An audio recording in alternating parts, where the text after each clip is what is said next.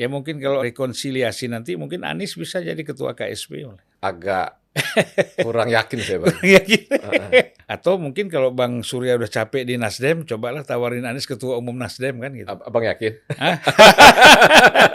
Di beberapa podcast saya sudah katakan, Mas Anies lebih bagus itu belajar filsafat lagi lah. Bela- Belajar filsafat lagi. Jadi Iya. harus terbang ke Amerika.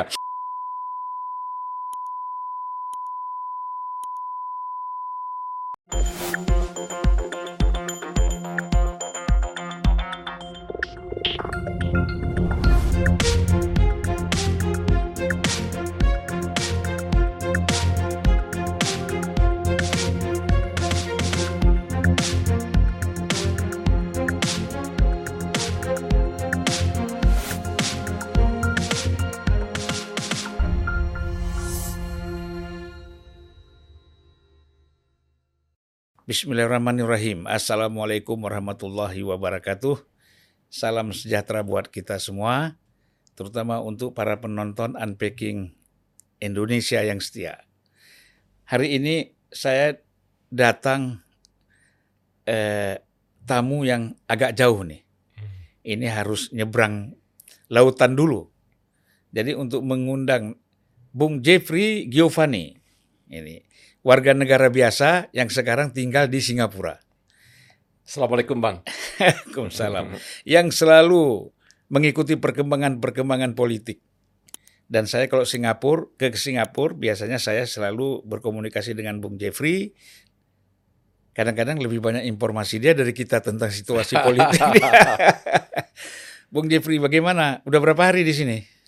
Eh, 14 Februari sore saya sampai bang. Eh, eh, terus rencana sampai 1 Maret Di sini ya. eh, di Jakarta. Ya tinggal beberapa hari lagi. Ya. ya. Perlulah lihat kampung. Ya. Dan kalau di Jakarta pun tidak tinggal di Jakarta, tinggalnya di Ciawi Bogor ya. Eh, ya, kalau supaya ada perubahan suasana dari Singapura, ya harus ke Ciawi bang, Raja Iya. Maya. Kalau Jakarta sama juga Ah, situasinya. Jakarta kota besar juga. Bagaimana nih? ya? Bagaimana pandangan Bu, eh, Bung Jeffrey ya melihat situasi kita sekarang? Dan tentu kan ada harapan ya. Kita sudah presiden baru Prabowo Gibran dan kita harapkan tidak ada situasi yang memang mencekam ya. Mm-mm. Nampaknya tidak ada gitu ya. Mm-mm. Eh, tentu Bung Jeffrey punya harapan lah. Gini bang, saya kan eh, menetap di Singapura itu 2012. Iya, Jadi tiga pemilu terakhir itu saya bisa ikuti dari sana, iya. gitu. 2014, 2019, 19. dan kemarin 2024. Mm. Kalau ada pertanyaan yang mana yang paling mencekam, justru bukan pemilu kemarin, Bang. Mm. Yang paling mencekam adalah pemilu 2014 dan 2019 Iya. karena memang suka nggak suka kita harus akui ada pembelahan di sana. Masalah kita terbelah dan menurut saya itu menakutkan Iya. dua kali pemilu itu. Eh, saya meminjam kalimatnya Hasan Nasbi yang bagus sekali. Eh, kesadaran bahwa itu adalah sebuah pembelahan yang berbahaya buat bangsa kita, Mm. itu tampaknya disadari oleh Pak Prabowo dan juga oleh Pak Jokowi. Iya.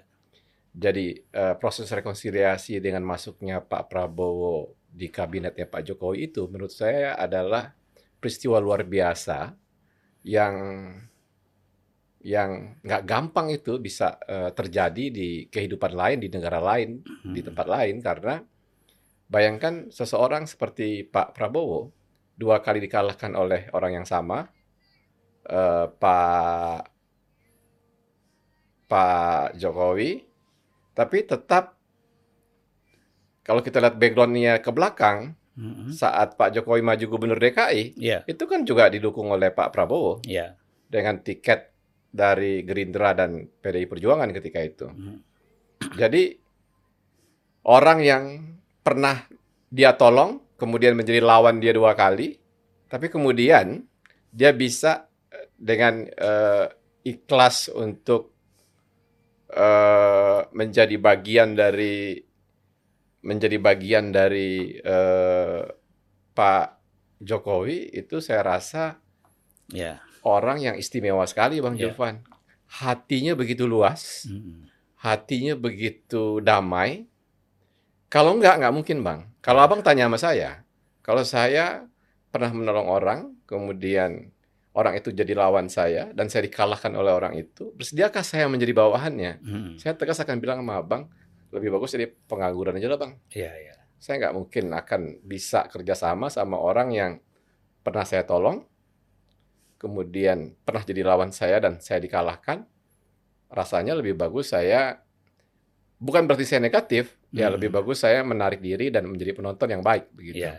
Nah, jadi keikhlasan seorang Pak Prabowo menjadi eh, Menteri Pertahanan, menurut saya itulah kekuatan moral, kekuatan Pak Prabowo yang luar biasa, Hmm. yang kemudian berefek elektoral kepada dirinya hari ini, Hmm. berefek kemudian orang mencintainya seperti sekarang, Iya. kemudian orang memujanya seperti sekarang. Hmm. Jadi sebenarnya justru di titik terendah itulah dia kemudian mendapatkan eh, kekuatan luar biasa, Iya. yaitu eh, eh, kemenangan dia eh, beberapa hari lalu itu, Bang. Ya, jadi Gitu.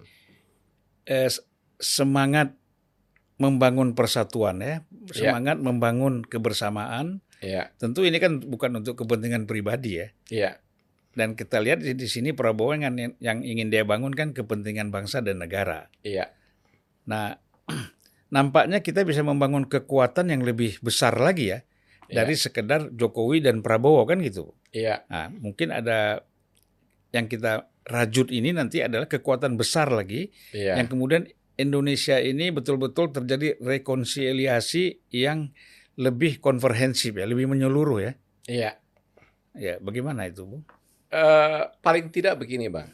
Eh, jelas sekali eh, peristiwa pemilu terakhir ini, 2024 ini, Hmm. jauh eh, punya dimensi yang berbeda dengan dua kali pemilu yang lalu. Menurut saya, walaupun banyak eh, katakanlah eh, kenyinyiran ya dari elit Hmm. eh, mengatakan ketidakpuasan dan lain-lain, tetapi tetap eh, suasana pembelahan itu nggak terjadi di Iya. pemilu ini. Kebersamaan rakyat itu kokoh bang di pemilu 2024 Hmm. ini. Kalau ada kenyinyiran, kalau ada kemarahan itu di level elit, bukan Iya. di level rakyat, gitu. Nah, jadi saya yakin ini adalah modalitas yang luar biasa buat kita take off sebagai bangsa besar ke depan. Karena itu diperlukan adalah kerja-kerja yang lebih eh, konkret ke depan ini. Eh, bagaimana wujud persatuan Pak Jokowi dengan Pak Prabowo dalam format Prabowo Gibran ini kemudian diimplementasikan dalam bentuk bangunan koalisi yang permanen, Bang. Hmm. Karena Bang tahu kalau di Indonesia koalisi itu hanya di level nasional, Ya, di level kabupaten kota provinsi itu bahasa orang Minang itu cempang prenang gitu, Bang. Nggak jelas punya semua itu. di sini Gitu. kuat- di sini berhadapan di Ah, daerah bisa bawah bisa bersama-sama. gitu. Nah itu nggak nggak nggak inline sama kekuasaan di pusat. Ya, Jadi eh, saya berkali-kali bicara sama banyak tokoh di Indonesia. Saya bilang penting kita melahirkan eh, sebuah konsep koalisi permanen yang bisa kita tiru nama Barisan Nasional di Malaysia. ya, Atau kalau kita nggak mau nama Barisan Nasional, kita bisa pakai nama Barisan Rakyat misalnya. Hmm. Intinya adalah koalisi ini berbeda dengan koalisi sebelumnya yang hanya di level pusat. Koalisi ini harus dari level pusat sampai level kabupaten kota. Hmm. Apa bentuk konkret dari eh, format eh, Koalisi. koalisi. yang permanen seperti ini, Hmm. yang inline dari level nasional sampai level daerah? Pilkada-pilkada nggak akan ada transaksional, bang, Hmm. karena koal- barisan nasional ini atau barisan rakyat ini akan bikin konvensi di internal. ya, ya. Nah, kemudian akan lahir satu kandidat untuk misalnya cagup eh, DKI, cagup Jawa Tengah, Jawa Barat, Hmm. atau cagup eh, atau calon bupati kabupaten misalnya, yang diperhadapkan dengan eh, oposisi. ya, Kalau katakan ada satu dua partai oposisi nanti, ya kandidat paling banyak dua kandidat, bang. ya, Satu dari eh, barisan nasional, sat- atau barisan rakyat ini, satu dari oposisi. ya, Nah, dugaan saya akan banyak nanti eh, pilkada-pilkada di mana pemenang konvensi barisan nasional ini adalah eh, pemenang eh, pilkada. Kenapa? Karena ya dia didukung oleh majority kekuatan nasional yang tergabung dalam eh, koalisi. Hmm. Nah, mungkin saja dia nggak punya lawan karena mungkin eh, partai oposisi nggak Hmm. cukup tiketnya. Mungkin saja dia akan melawan eh, kota kosong Iya. gitu. Nah, keuntungan bagi pemerintahan Pak Prabowo Gibran ke depan adalah karena bupati, wali kota, gubernurnya mayoritas adalah eh, barisan koalisi, Hmm. maka polisi pemerintahan itu dari level tertinggi sampai level kabupaten kota Iya. akan sejalan, Bang. kan. tidak Nah, ada lagi penolakan-penolakan ya seperti sekarang kan. Itulah yang membuat kita boleh berangan-angan bahwa 2045 Indonesia akan menjadi bangsa besar, Iya. menjadi bangsa maju.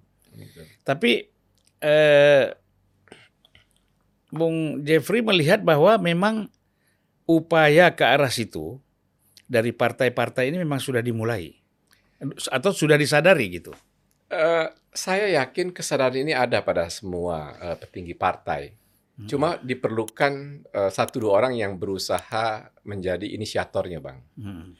Eh, tadi siang saya nggak sengaja bertemu sama eh, ketua umum Golkar, eh, Iya. Mas Erlangga. Mas Airlangga Hartarto. Saya biasa panggil dia Big Bro. Ah. atau kadang-kadang saya panggil Koh, Nah, Koh Erlangga. Saya bilang. Hmm. Dalam pertemuan tadi saya sampaikan kepada beliau, Pak Erlangga kenapa nggak menjadi inisiatif atau Hmm. inisiator atas eh, ide dan gagasan yang begini bagus? Saya bilang. Iya. Kenapa? Saya bilang eh, gagasan ini nggak bisa diinisiatifi oleh partai-partai menengah bawah. Hmm. Ini harus diinisiatifi oleh partai besar, Iya. gitu. Dan menurut saya eh, harus tetap disisakan satu dua partai sebagai oposisi. Hmm. Jadi kira-kira nanti eh, barisan nasional ini cukup 75% lah Iya. eh, majority. Nah, kemudian tinggal eh, ada konsensus di antara semuanya menunjuk satu sebagai ketua dari Barisan Nasional ini. Hmm. Dan menurut saya yang paling ideal bisa diterima oleh semua parpol itu adalah Pak Jokowi, apalagi beliau masih Hmm. presiden Indonesia, Iya. presiden kita hari ini. Nah, mungkin eh, sekretaris Barisan Nasional itu ya yang yang yang yang ditunjuk untuk menjalankan roda eh, organisasi ini. Iya. Gitu.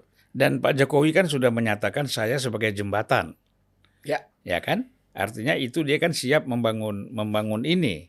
Siapa pun yang kepingin eh, berkomunikasi, ada ide-ide, dia siap membantu kan sebagai Iya. jembatan ini. Saya kira dia sudah menyerahkan dirinya ya Ya. untuk itu.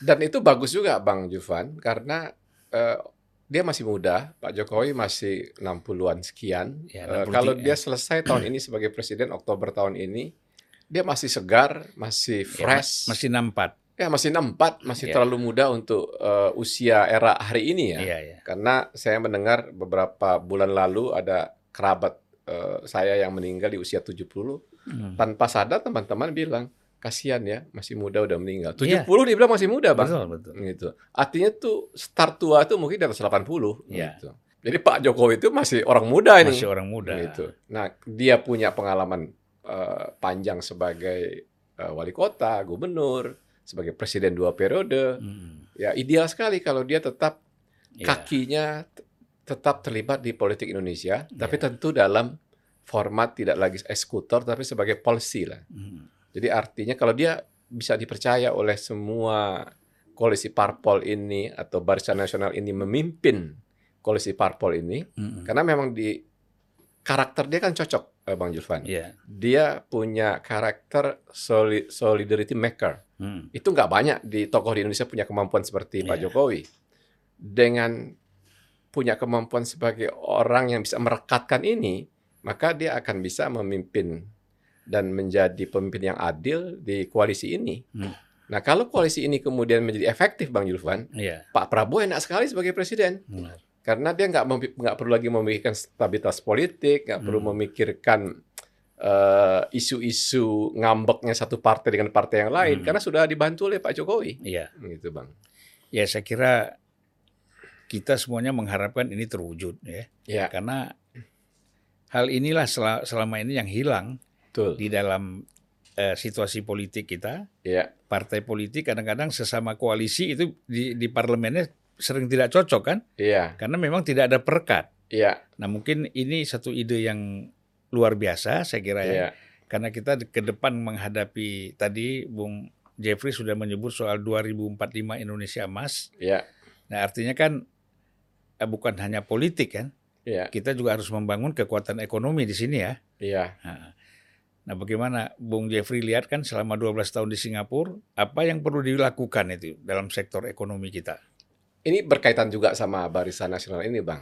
Hmm. Eh, problem paling pokok di kita bukan kita nggak mampu meningkatkan perekonomian kita menjadi perekonomian yang hebat, Hmm. tetapi kan eh, ada persoalan yang terjadi eh, saat kita men- eh, ket- ket- saat kita memasuki era reformasi Hmm. setelah eh, era otorit- otoritarian Orde Baru 32 tahun itu Hmm. Di bagusnya di 32 tahun itu, Bang. Itu kan semuanya inline, Bang, dari nasional ke daerah. Ya. Nah, kemudian ketika memasuki reformasi, itu yang kemudian nggak pernah terjadi kan. Hmm. Tetapi dengan adanya barisan nasional ini, Bang, itu akan kembali seperti itu. Bukan kita kembali ke Orde Baru yang salah ya, Ya, ya, tetapi kembali ke format yang benar. Dalam kita buang otoriternya, kita Ah, ganti ah. dengan demokrasi kan? Nah, Nah, jadi bukan berarti multi partai itu harus jelek. Ya. multi partai bisa bagus kalau ada kesepakatan seperti lahirnya Barisan Nasional ini Hmm. gitu. Nah, multi partai itu diperlukan agar suaranya eh, berwarna. Jadi keputusan yang diambil itu betul-betul berdasarkan eh, hasil dari pikiran yang berbeda, pikiran yang dicarikan yang terbaik, tentu yang Hmm. terbaik yang bisa diterima oleh semua pihak, Bang. Gitu. Nah, inilah yang kemudian eh, mampu lebih efektif, lebih bagus dibandingkan eh, eh, situasi yang terjadi pada Orde Baru. Hmm. Walaupun eh, Orde Baru kan dibangun itu dengan otoritarian, dengan eh, artinya bawah itu terpaksa harus ikut begitu. Iya. Kalau ini bukan terpaksa, ini memang kesadaran bersama Hmm. karena ada ada kesepakatan di di di Tingkat. parpol yang Hmm. membentuk Barisan Nasional tadi.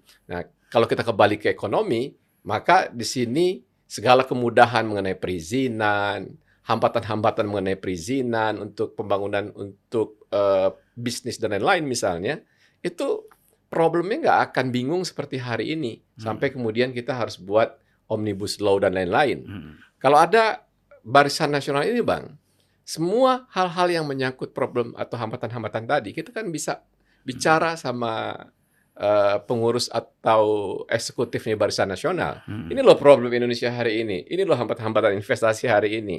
Jadi kalau eh, eh, kita ini nggak dibantu, ya kita ini nggak akan jalan gitu. Nah kalau si pengusaha harus lobby satu demi satu partai, kapan Hmm. selesainya bang? Dengan dia melaporkan ini ke Barisan Nasional dan tentu Barisan Nasional itu nanti ada tim-tim yang eh, bidang untuk investasi, Iya, iya, iya. bidang untuk hukum, bidang Hmm. untuk sosial misalnya gitu.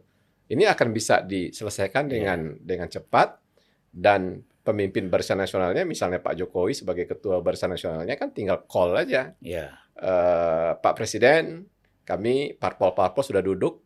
Ini eh, hasil dari eh, evaluasinya, ini jalan keluarnya. Hmm. Eh, cepat eksekusinya, Bang. Ya. Gitu. Dan orang-orang ahli bisa duduk di situ kan? Nggak su- harus semua jadi menteri ya? Nggak semua harus jadi menteri. Hmm. Menteri betul-betul jabatan eksekutor lah. Ya. Nah ini agak masuk ke masalah human nih. Ya. Ya. Bung Jeffrey kan dulu dikenal betul sebagai salah satu tokoh muda Golkar ya. Ya, Pernah ya? ya terakhir saya DPR RI dari Partai Golkar. Ya. Kemudian pernah di PAN juga. Eh, Nggak pernah ya? sebagai anggota DPR nggak pernah, Bang. Ya. Saya bantu Pak Amin Rais pernah. Ya. Nah, kemudian eh, ya saya ingat dulu masih anggota DPR. Kemudian Hmm. ketika kita ingin mendirikan Partai Nasdem, Ya. maka Bung Jeffrey keluar dari Golkar.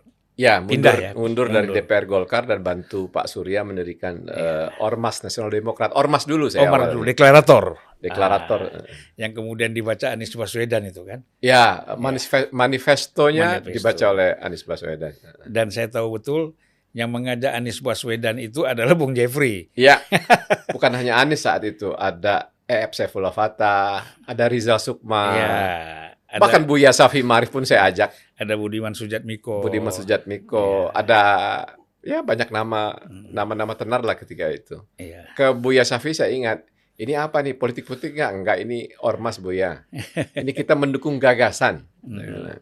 Ya akhirnya banyak kan Ya, kawan-kawan Muhammadiyah bergabung ya. ya. Din Samsudin aja hampir gabung tapi nggak jadi. Iya, iya. Dan rupanya kepingin jadi ketua umum barangkali. Iya. Nah, baru kita kongres ya, kemudian berdirilah yang namanya Partai Nasdem. Ah, itu saya udah pindah ke Singapura tuh, Bang. Ya, Mm-mm. saya masih Ya, Sampai Bang Ziswan teruskan eh, dari ormas ke partainya. partai sampai 2020 eh, dua- 2023, Mm-mm. kemudian menjadi antitesis lalu Mm-mm. mengundurkan diri dari Ah, iya. Tapi bikin abang tambah populer justru itu. Kalau nggak, nggak lahir unpacking, Bang. Iya betul. Iya. Nah jadi eh, kemudian pernah atau sebagai pendiri Partai Solidaritas Indonesia ya? Ya, eh, 2014 eh, Oktober eh, setelah pemilu Pak Jokowi terpilih itu, Hmm. eh, diehard Pak Jokowi, Grace Natali dan kawan-kawan itu datang menemui saya dan bilang mereka ingin buat partai. Hmm. Gitu. Ya saya anggap waktu itu mereka agak gila-gila dikit lah bang. Eh, mereka nggak tahu bikin partai itu biayanya besar, Iya. pertarungannya luar biasa, tapi karena animo mereka dan kegigihan mereka, akhirnya di luar dugaan kan di pemilu pertama perolehannya 1,89. Hmm. Tapi menurut saya itu cukup bergengsi Iya. untuk bukan siapa-siapa ya. itu mendirikan 2019 partai. ya? 2000 ya 2019 mereka Iya. dapat 1,89. Iya. Itu lebih tinggi daripada Partai Hanura. Iya. Eh, kalau nggak salah Partai Hanura di bawah itu Bulan bintang. lebih tinggi daripada Bulan Bintang, lebih tinggi dari Partai eh, PKPI Mm-mm. gitu. Jadi untuk ukuran orang biasa-biasa mendirikan partai bernama PSI dapat 1,89 punya anggota DPRD di DKI 8 Mm-mm. artinya dia pemenang pemilu keempat ketika itu di Iya. DKI Eh, punya 76 anggota DPRD se-Indonesia Mm-mm. eh, berbagai macam kota di dan kabupaten di Indonesia. Saya rasa udah pencapaian luar biasa. Jadi, Hmm. jadi saat mereka lapor ke saya, mereka gagal dan menangis, saya ketawa. Memangnya kalian ini GR sekali, kalian ini siapa? Saya bilang. Iya, iya. Kalian bisa dapat 1,89 itu kan hebat sekali. Saya bilang. Gitu. Tidak banyak partai yang baru berdiri dapat Dapat segitu. Iya. Gitu. apalagi dibandingkan dengan partai-partai sekarang ya. Ya. Sekarang kan artinya rekap KPU nih sudah tiga per- hampir tiga persen ya.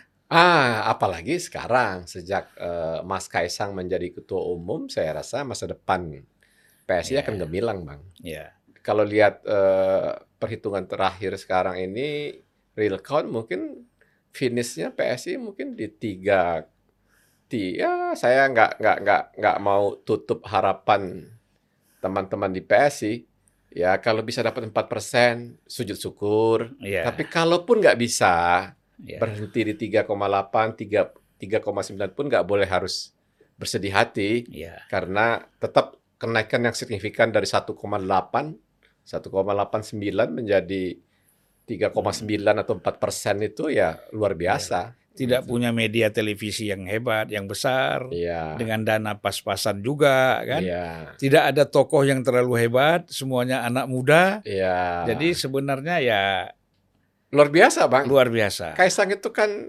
baru 29 tahun. Ya. Jadi kalau dia bisa mengantarkan PSI 2024 ini 4 persen, wah itu spektakuler, Bang. Iya. Gitu. Karena itu saya harus rem-rem juga perasaan mereka. Mm. Mungkin 4 persen, tapi mungkin juga tidak. Iya. Jadi kalau tidak, jangan nangis lagi. Iya, iya. Tetap harus disyukuri bahwa tetap ada peningkatan luar biasa Iya. dari pemilu Dan sebelumnya. DPRD-nya pasti nambah kan? Kalau Kon- 3,9, 3,8 bang, itu mungkin bisa 400-an anggota DPRD. Ya, luar biasa kan? Luar biasa itu. Paling tidak kan bisa ada wali kota, bupati atau gubernur nanti yang dari PSI ya. Ming, berapa malam lalu saya ketemu sama Mas Kaisang, saya bilang eh, berapapun hasil eh, harus disyukuri. Saya Hmm. bilang kita nggak tahu, tunggu saja real count KPU sampai selesai. Tetapi paling penting adalah saya hitung banyak sekali kursi-kursi di kabupaten kota yang bisa dijadikan modal tiket untuk maju wali kota dan bupati. Saya Iya. bilang. Jadi harus siapkan kader-kader PSI untuk bertarung di pilkada 2024 November ini. Saya bilang. Iya. Ya rata-rata kan anak muda ya. Ya. Arti optimisme harus dibangun terus Iya. ya. Ma- Waktu masih panjang. Oh, 29 tahun, Bang. Di PSI ini kan yang kalau kita bicara paling tua kan Ade Armando ya. Dan Bang Ade itu kan dia lebih untuk memberi semangat lah buat anak-anak Ya, ya. PSI Bang. Hmm. Saya rasa dia bukan orang yang ingin jadi pengurus partai, Ya. tapi dia lebih eh, eh, lebih kepada jiwa dosennya itu yang Hmm. ingin menginka, mengapa mendorong anak-anak muda ini agar semangat, merasa Hmm. ada orang percaya gitu. Mm-mm. Saya lihat seperti itu. Tapi kalau nggak salah saya ikuti proses recount tentang Ade Armando juga suaranya signifikan bang. Iya ya. Agak-agak surprise juga gitu. Ternyata dia coba dia nggak kampanye lapangan Mm-mm. hanya melalui media sosial tapi suaranya oke. Wah dia kan di YouTube-nya dia ngomong sendiri di mana-mana. Kita aja udah empat kali ngundang dia selama kampanye ini ya. Iya iya. Jadi banyak sekali. Supaya orang memanfaatkan media sosial itu bagus ya. Betul bang. Media sosial yang meluas ya, bukan hanya YouTube. Iya. Kita kan kadang-kadang di YouTube nih penonton 200 ribu, Iya tetapi di TikTok tuh bisa 5 juta. iya Penontonnya bisa Iya. luas sekali. Karena singkat, pendek ya. iya. Nah, Dan kalau politisi hari ini bang nggak bisa menggunakan handphonenya untuk TikTok, Facebook, untuk Instagram atau untuk YouTube. mm-mm. maka dia bukan politisi. Ya. Senjata politisi hari ini adalah kemampuan menggunakan eh, handphonenya. Iya. Gitu. Jadi kalau dia nggak bisa menggunakan handphonenya, dia harus cari orang yang bisa Hmm. menggunakan handphonenya Iya. itu. Gitu. Paling nggak anaknya kan ada ya. Atau anaknya, staffnya. gitu. Kalau saya udah minta tolong sama cucu, bukan Oh, oh, cucu. Kalau kalau kalau kita udah udah generasi politisi pensiun lah bang. Iya. Kita nonton nonton aja lah kita. Nonton cuman ngasih-ngasih masukan, pandangan-pandangan ya, Ya. untuk untuk generasi muda, untuk Gen Z, kemudian milenial ya, supaya Iya. mereka untuk tahu si historis saja Kita berbagi cerita lalu lah Iya. mereka. dan mereka senang nampaknya. Saya rasa iya. Kayak Bang Julfan kan di di Indonesia unik, bukan sosok yang biasa-biasa Bang. Abang kan sosok yang unik juga gitu. Hmm. Abang dari pimpinan HMI kemudian bukannya masuk P3 atau masuk Golkar lah yang agak Hmm. tengah. Abang masuknya PDI. Iya. Itu kan unik Bang. Langsung kita dituduh komunis. Langsung dituduh komunis. Iya. itu kan unik itu. Gitu. Jadi saya rasa justru eh, buat politisi-politisi muda itu ada kesempatan mengenal Bang Julfan bagus sekali Hmm. karena mereka akan banyak dapat eh, insight atau eh, hal-hal yang mungkin nggak bisa mereka dapat dari bacaan, Bang. Iya. Ya, jadi tidak ada rencana untuk kembali ke ke dunia politik atau misalnya ditawarkan Pak Prabowo atau Pak Jokowi masuk dalam pemerintahan Hmm, Nggak sanggup saya, Bang. nggak sanggup ya. Nggak sanggup, Bang. Hmm. Saya rasa saya lebih bagus jadi penasehat aja lah. Iya. penasehat aja. eh, kalaupun saya harus melakukan pekerjaan rutin itu biar sebagai bisnismen saja. Iya. Kalau di politik lebih bagus eh, membina lah, membina, menasehati, mendorong. Dan itu tidak perlu posisi formal ya. Ya, jadi jabatan politik seperti anggota DPR, seperti eh, menteri, kepala daerah, udah nggak cocok lah bang buat Tapi saya. kalau one team press gimana? One Team Press juga repot nanti bang, lapor-lapor, Bolak balik lagi eh, ya. lapor-lapor apa? LHKPN. LHKPN segala macam. Iya. Eh, dan saya rasa juga eh, ya s- ini juga bentuk kritik ya bang. Eh, Jabatan-jabatan tersebut juga banyak banyak nggak berfungsinya sebenarnya gitu. Jadi Iya. kita punya eh, one team press tetapi eh, lebih kepada eh, akomodir untuk ya politik akomoda akomodir Akomodatif lah, ya. akomodatif lah gitu Hmm. bukan untuk kebutuhan yang lebih lebih diperlukan oleh presiden sebenarnya. Hmm. Saya justru pengennya bang, eh, KSP itu harus seperti West Wing di Amerika, Hmm. agar presiden kita itu kemudian eh, nggak perlu harus eh, tanya sama menterinya, Hmm. programmu apa? Kan lucu, Iya, kan iya. harusnya menteri itu adalah eksekutor dari programnya presiden. Iya. Jadi harusnya KSP ini yang menggodok eh, programnya presiden, kemudian didistribusikan ke semua kementerian. Jadi Pak Presiden tinggal panggil menterinya, eh, Mas Menteri, ini tugasmu tiga bulan ke depan. Hmm. Nanti saya akan minta KSP mengawasi ya Iya. eh, performance dari apa yang kamu eksekusi ini. Saya rasa itu ideal sekali. Tapi depan. kan lembaga KSP ini dia menjadi menjadi berwibawa ya, menjadi eh, sangat terhormat ketika memang orang yang menjabat di situ itu saya lihat beginilah. Waktu Pak Luhut di situ itu luar biasa. KSP orang Ya. segan.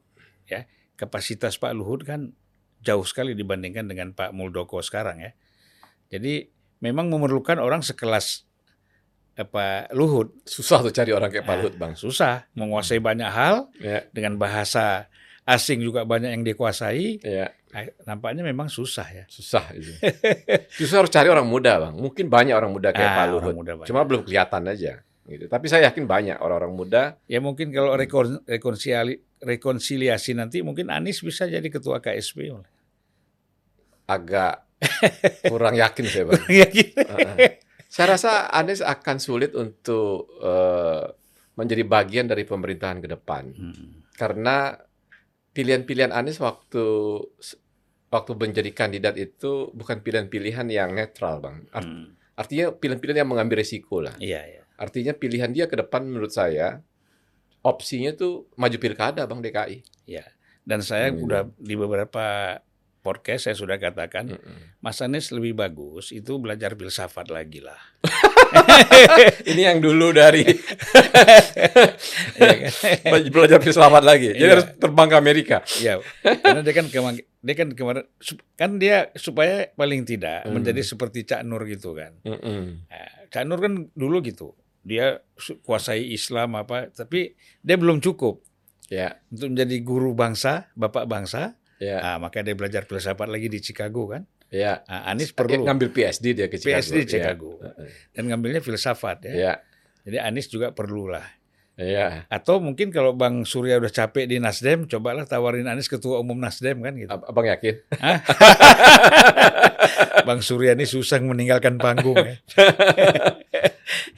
Saya rasa pun kalau Bang Surya nggak mau lagi sebagai ketua umum Nasdem, Bang, Ya. saya rasa bukan Anies lah. Ya. Kan Anies tidak dalam posisi eh, membangun Nasdem bersama Bang Surya. Ya, Abang tahu kan banyak yang membantu Bang Surya dan rasanya mereka lebih punya hak lah. ya. Tapi mungkin peran mewarisi. Anda Faluh lah, udah pasti itu. Karena waktu saya masih di sana, Mm-mm. itu elit-elit Nasdem semuanya kan menjaga supaya memang peran Anda inilah yang akan menggantikan Bang Surya kan. Ya itu lebih tepat bang. Ya. Dan nggak usah khawatir soal tuduhan dinasti. Ah, nggak usah. Kita lah. semua melakukannya. Jadi jangan karena orang lain melakukannya kemudian itu dicela. Oh, Tanpa sadar juga mungkin bukan kitanya, tetapi orang-orang dekat kita yang kita dukung juga melakukannya. Ya. Gitu. Dan peran eh, menurut saya peran Anda ini kan dari segi kuah intelektual juga lumayan bagus ya anaknya kalau ya mungkin karena faktor usia kan nanti pengalaman akan membina dia kan akan memberi pelajaran buat dia. Kalau dia nggak dikasih kesempatan, dia nggak akan nggak Ya. akan matang dan nggak akan dapat kesempatan, nggak akan dapat segalanya, bang. Iya. Tapi ketika itu datang di dia, siap nggak siap dia pasti siap. Dan itulah yang sebenarnya terjadi pada Kesang dan Gibran kan. Iya, Dikasih kesempatan dia akan mengembangkan ini sesuai dengan kebutuhan. iya. Gi- Gi- Ah. Gibran siapa sangka orang pikir dia takut debat lah, Hmm. takut eh, eh, nggak bisa bicara depan publik lah. Hmm. Kan orang eh, bingung semua ketika it- dia balikan keadaan itu. Ya. Gitu. Itu luar biasa ya. Luar biasa. Iya. Baik. Hmm. Terima Bang kasih Jeffrey, Bang Julvan. Ya, saya juga terima kasih. Sukses terus unpacking. Ya, Bang Julvan dan tim unpacking luar biasa. kita sebelum balik ke Mak- ke Singapura bisa ngopi-ngopi. Ah, cocok Bang. Kalau nggak sempat juga kita ngopi di Singapura. Cocok Bang. Biasanya kita makan ikan, makan ikan dan makan durian. makan durian. Aduh luar biasa. Terima kasih. Makasih Bang Bang. Jufri, sampai jumpa lagi. Assalamualaikum. Waalaikumsalam warahmatullahi wabarakatuh. Jadi host dia. Assalamualaikum.